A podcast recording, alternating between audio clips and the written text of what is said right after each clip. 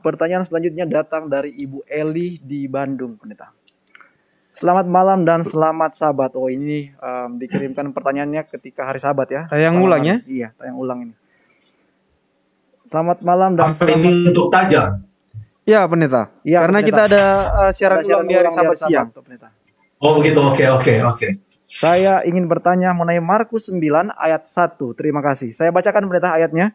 Markus Ya. 9 ayat 1 katanya lagi kepada mereka, Aku berkata kepadamu, sesungguhnya di antara orang yang hadir di sini ada yang tidak akan mati sebelum mereka melihat bahwa kerajaan Allah telah datang dengan kuasa.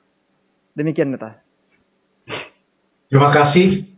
Ini juga disebutkan di dalam Injil eh, Matius pasal yang ke-16. Disebutkan juga dalam Injil eh, Lukas dan urut-urutannya adalah sama setelah kata-kata ini baik di Matius maupun yang kita baru baca ini di dalam Injil Markus. Setelah itu, maka Tuhan Yesus membawa Petrus, Yakobus, dan Yohanes lalu bersama-sama dengan mereka ia naik ke sebuah gunung yang tinggi. Itu di dalam Markus pasal 9 ayat yang kedua. Lalu di situ mereka sendirian saja, lalu Yesus berubah rupa di depan mata mereka dan pakaiannya sangat putih berkilat-kilat. Artinya Yesus tampak dengan segala kemuliaannya. Jadi ada yang berpendapat dan mengkaitkan ayat ini dengan yang terdapat di dalam pasal yang ke-9 ayat 1 yang mengatakan Yesus katakan ada orang-orang yang hadir di sini yang tidak akan mati sebelum mereka melihat kerajaan Allah telah datang dengan kuasa dan uh,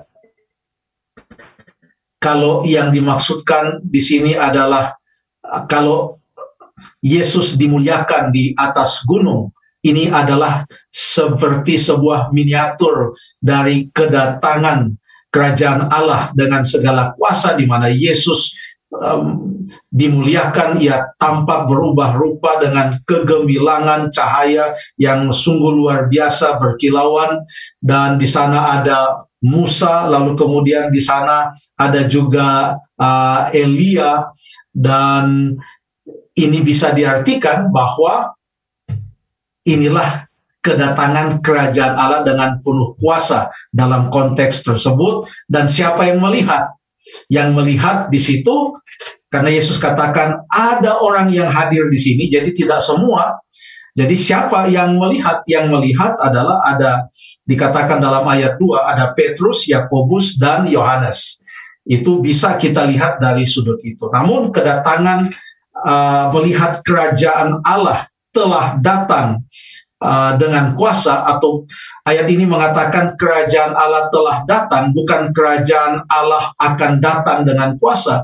Jadi di dalam Alkitab Perjanjian Baru berbicara tentang kerajaan Allah itu bisa ada dua maknanya, yaitu yang pertama adalah kerajaan rahmat, kerajaan kasih karunia Allah di mana Yesus sang raja itu ada di atas dunia pada saat itu membawa keselamatan dan siapa yang mau untuk mengikuti dia, percaya kepadanya, maka ia akan menjadi bahagian dari kerajaan kasih karunia itu. Dan walaupun mereka belum pergi ke sorga, tetapi mereka telah mendapatkan jaminan keselamatan oleh karena kasih karunia Tuhan. Namun kerajaan Allah bisa juga di uh, diartikan sebagai kerajaan kemuliaan, artinya pada saat kedatangan Yesus yang kedua kali nanti yang digambarkan oleh Matius pasal yang ke-25 ayat 31 di mana ia akan datang dengan semua uh, malaikat-malaikatnya. Itu pun adalah merupakan uh, kerajaan Allah. Kenyataannya adalah semua orang yang hidup pada zaman Yesus paling tidak murid-muridnya yang kita ketahui, lalu orang-orang yang mengikuti dia, tidak ada catatan siapa sekarang yang masih hidup Jadi kita boleh berasumsi bahwa mereka karena mereka juga orang-orang berdosa, ya murid-murid Tuhan Yesus semua sudah mati, lalu kemudian yang terakhir hidup adalah Yohanes yang kekasih, dia pun sudah mati, lalu kemudian Artinya tidak ada mereka sekarang yang nanti pada waktu Tuhan Yesus datang pada kali yang kedua, mereka tidak pernah mengalami kematian, tetapi mereka akan uh, apa namanya menyambut kedatangan Tuhan Yesus dalam keadaan hidup. Jadi nampaknya yang dimaksudkan dengan Markus 9 ayat 1 ini bukan tentang masih ada yang hidup di antara murid-murid Yesus yang masih hidup sampai pada kedatangan Tuhan Yesus yang kedua kali. Dengan demikian, makna dari ayat ini adalah bahwa pada waktu Tuhan Yesus dimuliakan di atas gunung, ada orang-orang yang melihat, yaitu di sana ada Petrus, Yohanes, lalu kemudian juga Yakobus. Itu bisa artinya demikian atau Tuhan Yesus juga mengatakan bahwa akan ada orang-orang karena waktu itu yang ada bukan hanya murid-murid Tuhan Yesus, tetapi orang-orang lain juga yang sedang mendengarkan Yesus berkata-kata. Yesus mengatakan bahwa ada di antara mereka yang walaupun pada saat Yesus sedang berkata-kata itu belum menerima Yesus, mereka hanya mau mendengar Yesus, mereka masih belum percaya, tapi Yesus katakan akan tiba saatnya mereka juga akan menerima Yesus. Dan saat yang paling cocok sehubungan dengan jalannya cerita Alkitab adalah